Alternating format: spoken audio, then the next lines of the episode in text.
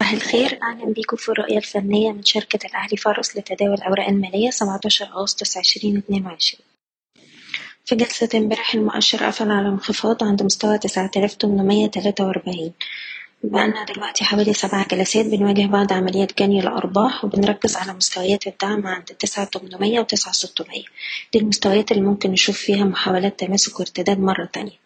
أقرب مستوى مقاومة دلوقتي عندنا عند العشرة آلاف خمسة وستين. طول ما إحنا تحت المستوى ده المؤشر متعرض إن هو يشوف مزيد من عمليات التصحيح. كنا نصحنا من بداية الأسبوع بجني أرباح الأسهم اللي وصلت للمستهدفات بتاعتها والناس اللي مش عايزة تبيع بترفع مستوى حماية الأرباح لأقرب دعم حسب كل سهم على حدة بالنسبة للسي اي بي طبعا في تراجع بعد ما وصل مستوى تسعة وتلاتين جنيه ومش قادر يعديه. وتركيزنا دلوقتي على مستويات الدعم حوالين سبعة وتلاتين عشرين.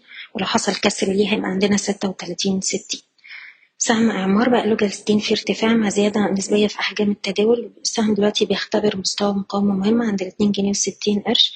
لو قدر يأكد اختراق المستوى ده الأعلى هتبقى إشارة شراء هنستهدف اتنين سبعين اتنين خمسة وتمانين.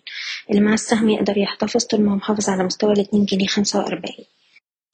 MM Group السهم بيستهدف مستوى التلاتة جنيه خمسة وخمسين وباختراقه تلاتة جنيه خمسة وتمانين. نقدر نحتفظ بالسهم ونرفع مستوى حماية الأرباح لغاية تلاتة جنيه وعشرة قروش. النساجون بنحتفظ فوق مستوى الستة جنيه وسبعين قرش وبيستهدف مستوى السبعة جنيه وربع.